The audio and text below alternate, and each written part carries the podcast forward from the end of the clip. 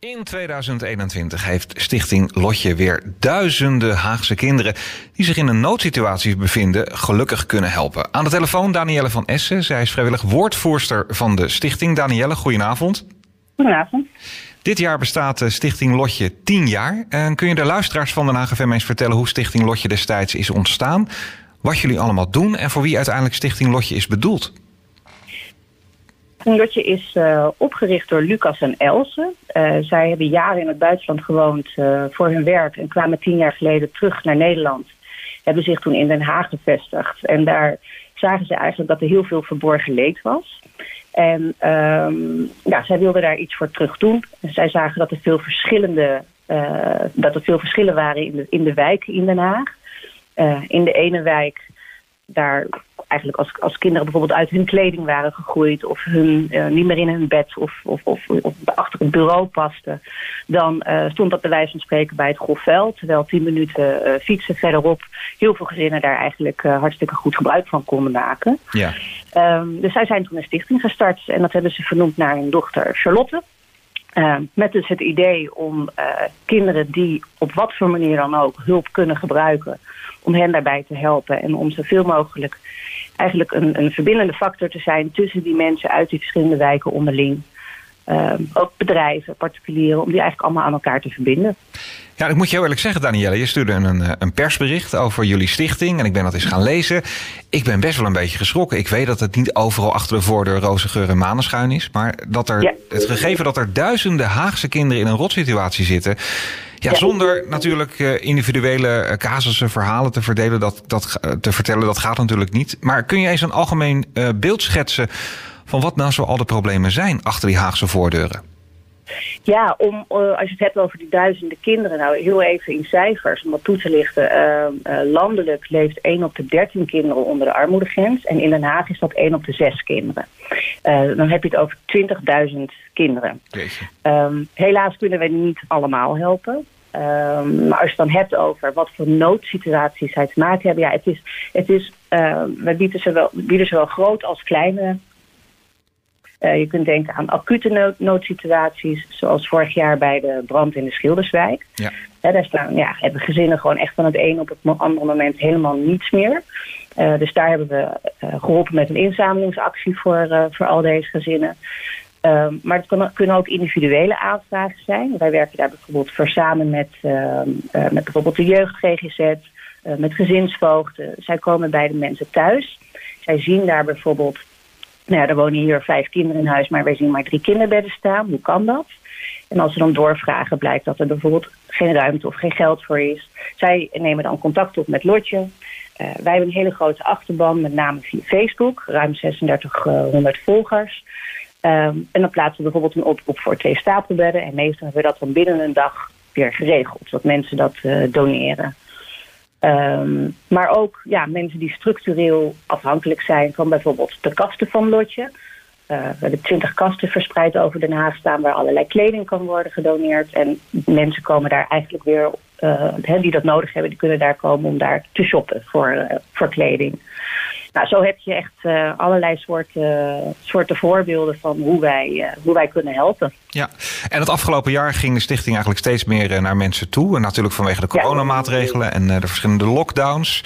Omdat, ja, je noemde het al even, maar dat moet je toch maar eens even een beetje goed gaan uitleggen, Danielle. De kasten van Lotje, die waren ook ten ja. tijde de lockdown natuurlijk niet altijd goed bereikbaar. Maar wat zijn nou precies de kasten van Lotje? En ja, waar, waar kunnen we ze nu vinden? Zijn ze er nog wel fysiek?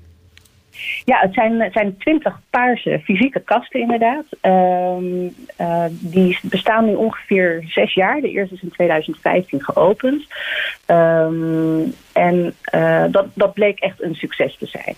Uh, dus dat is, die staan op locaties zoals Centra Jeugd en Gezin, bij wijkbureaus, scholen, bij kerken, eigenlijk verspreid over Den Haag.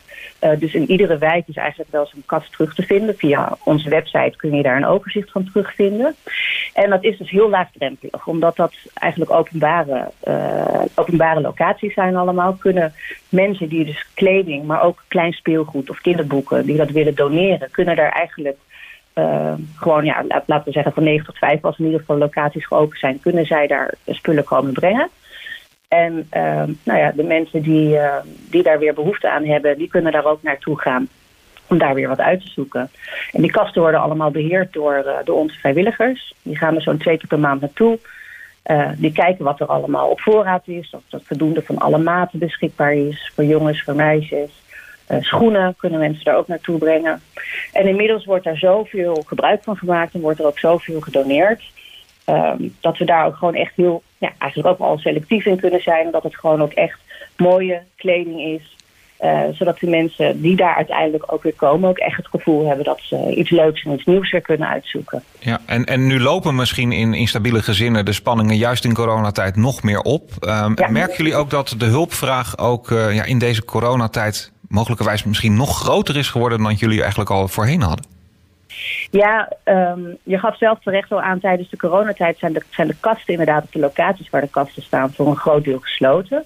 Daar merkten wij dat, um, dat de kasten op een gegeven moment uitpelden omdat, daar, uh, ja, omdat de mensen daar niet meer naar binnen konden komen om het, om het op te halen. Oh ja, natuurlijk. Dus we zijn we zijn toen echt samenwerking aangegaan met bijvoorbeeld de voedselbanken en andere organisaties waar, uh, die nog wel open waren, waarvan we wisten, daar komen mensen naartoe. Um, en daar hebben we mobiele uitgiftepunten gestart. Dus daar zijn wij kleding en speelgoed gaan uitdelen. En daardoor hebben we natuurlijk ook een hele nieuwe doelgroep kunnen bereiken. Ja. En van bijvoorbeeld een organisatie als de Voedselbank kregen wij inderdaad te horen dat met name in de coronatijd, dat ook daar uh, het aantal mensen enorm gegroeid is. Dus dat was wel heel fijn dat die samenwerking in ieder geval is gestart. Zodat we, nou ja, mensen eigenlijk, uh, hè, zij konden een voedselpakket meenemen. Een stukje verderop kleding uit, uitzoeken. Een stukje verderop weer speelgoed uitzoeken. En met een grote glimlach uh, gaan zij vervolgens weer naar huis. Het is toch eigenlijk blijft het, ja, zit ik nu te denken, toch bizar dat in, in 2021, waarin we het toch over het algemeen allemaal relatief zo ontzettend goed hebben, dat, dat deze doelgroep er nog, er nog is. Hè. Het is toch eigenlijk werkelijk waar ongelooflijk dat er nog, dat er nog zoveel armoede en ellende is. Dat is eigenlijk, blijf je verbazen toch? En het zijn er veel meer dan wij denken en ook veel meer dan waar wij zicht op hebben. En dat is wat het eigenlijk zo schijnend maakt. Ja.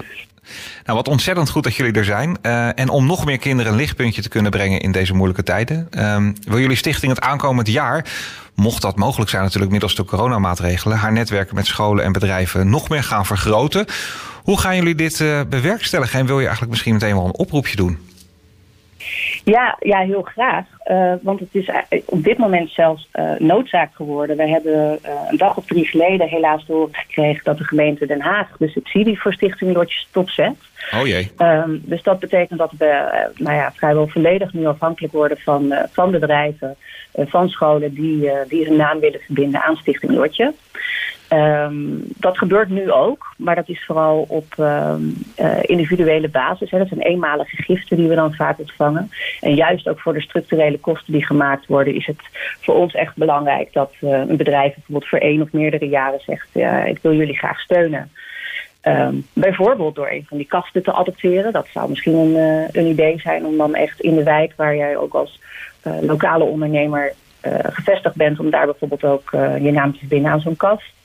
Um, maar alles, alles wat mensen um, uh, aan ideeën hebben en op welke manier ze ook zouden willen helpen, is uiteraard welkom. Um, we weten van veel scholen die organiseren bijvoorbeeld sponsorlopen voor, uh, uh, voor goede doelen. maar ook kerstmarkten waar allerlei knutsels verkocht worden door, door kinderen op school. En vervolgens de opbrengst naar Stichting Lotje gaat. Dat is heel mooi. Um, maar daar kijken we of we dat inderdaad wat professioneler kunnen gaan aanpakken in plaats van die eenmalige giften, om dat gewoon op structurele basis te gaan doen. Ik heb straks een, uh, een politicus uh, in de uitzending, Robert Barker ja. van de Partij voor de Dieren. Ik ga dan toch uh, nog even, ik wil hem niet helemaal gaan overvallen, maar toch nog even zijdelings vragen hoe het, hoe het kan dat, dat die subsidie niet, meer, niet meer wordt verlengd. Dat is, oh, een mokerslag moet dat voor jullie zijn, denk ik, toch? Zeker, ja. ja. ja. ja het gaat om een bedrag van 20.000 euro. En dat is voor een kleine particuliere stichting als Lotje is dat ontzettend veel geld. En dat zou natuurlijk ontzettend zonde zijn als ja, al die kinderen die die nu afhankelijk van ons zijn als we die daar niet meer mee kunnen helpen. Daar gaan we sowieso nog eens een keertje op, op terugkomen. We gaan elkaar daarvan op de hoogte houden hoe dat, hoe dat kan. En hoe dat mogelijkerwijs ja. op een andere manier ondersteund kan worden. Want ja, hoe kunnen inwoners uh, um, jullie organisatie helpen? Kan dat direct met, met spullen? Je noemde het al even, maar hoe gaat dat in zijn werk? Of ook op vrijwilligersbasis, zoals jij bijvoorbeeld ook doet? Ja, dat kan, uh, nou ja, de kasten, wat we net al noemden, dat, dat, die zijn natuurlijk altijd toegankelijk. Um, het zou mooi zijn als ons volgen op, uh, uh, op de socials. Facebook is eigenlijk het grootste kanaal, maar we zitten ook op LinkedIn en op Instagram. En op het moment dat daar een oproep bij ons binnenkomt, bijvoorbeeld voor meubels, maar we organiseren bijvoorbeeld ook dagjes uit voor kinderen die nooit, die nooit op vakantie gaan, die nooit een dagje weg kunnen. Um, zo'n brand als de Schilderswijken, als er echt dit soort incidenten komen, nou, dan plaatsen we altijd die oproepen op Facebook. Dus daar kunnen mensen altijd op reageren. Um, en ook ja, als zij willen, zou het heel fijn zijn. Uh, dat kan incidenteel, dat kan ook structureel zijn. Om, uh, om, om, om, om, via tijd bijvoorbeeld mee te werken aan, uh, Stichting Lotje. Ik doe zelf communicatie, maar er zijn ook mensen die kasten beheren. We hebben mensen die bijvoorbeeld spullen heen en weer brengen. Dat halen ze dan op bij donateurs en brengen dat weer naar de mensen die het nodig hebben. Dus ja, als mensen interesse hebben, dan kunnen ze, kunnen ze mailen naar info.stichtinglotje.nl. Misschien wel het belangrijkste, het overzicht van die kasten voor zowel de, de gevers als de mensen die daar gebruik van willen maken. Dat vinden we ook op, op Facebook uh, terug. Um, dat is het, het beste te bekijken op onze site stichtinglotje.nl. En dan is daar een, uh, een tabblad met de kasten.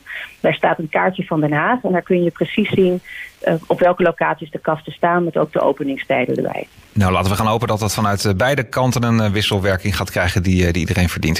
Ik wens uh, jullie ontzettend veel succes. Ik vond het leuk om kennis gemaakt te hebben. Um, laten we hopen dat er over een aantal jaren, eigenlijk in dit geval klinkt een beetje gek, maar dat, dat Stichting Lotje eigenlijk niet meer nodig is. Maar ik, ik denk dat, dat, uh, dat dat niet gaat gebeuren en dat we voorlopig nog wel een beetje in deze situatie zitten. Daarom ontzettend fijn dat jullie er zijn. Ik wens je heel veel succes met, met jullie werkzaamheden.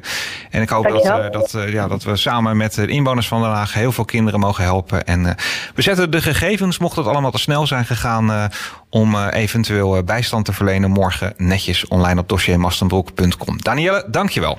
Heel fijn, dankjewel. Fijne avond. Tot 11 uur. Dossier Mastenbroek op Den Haag FM.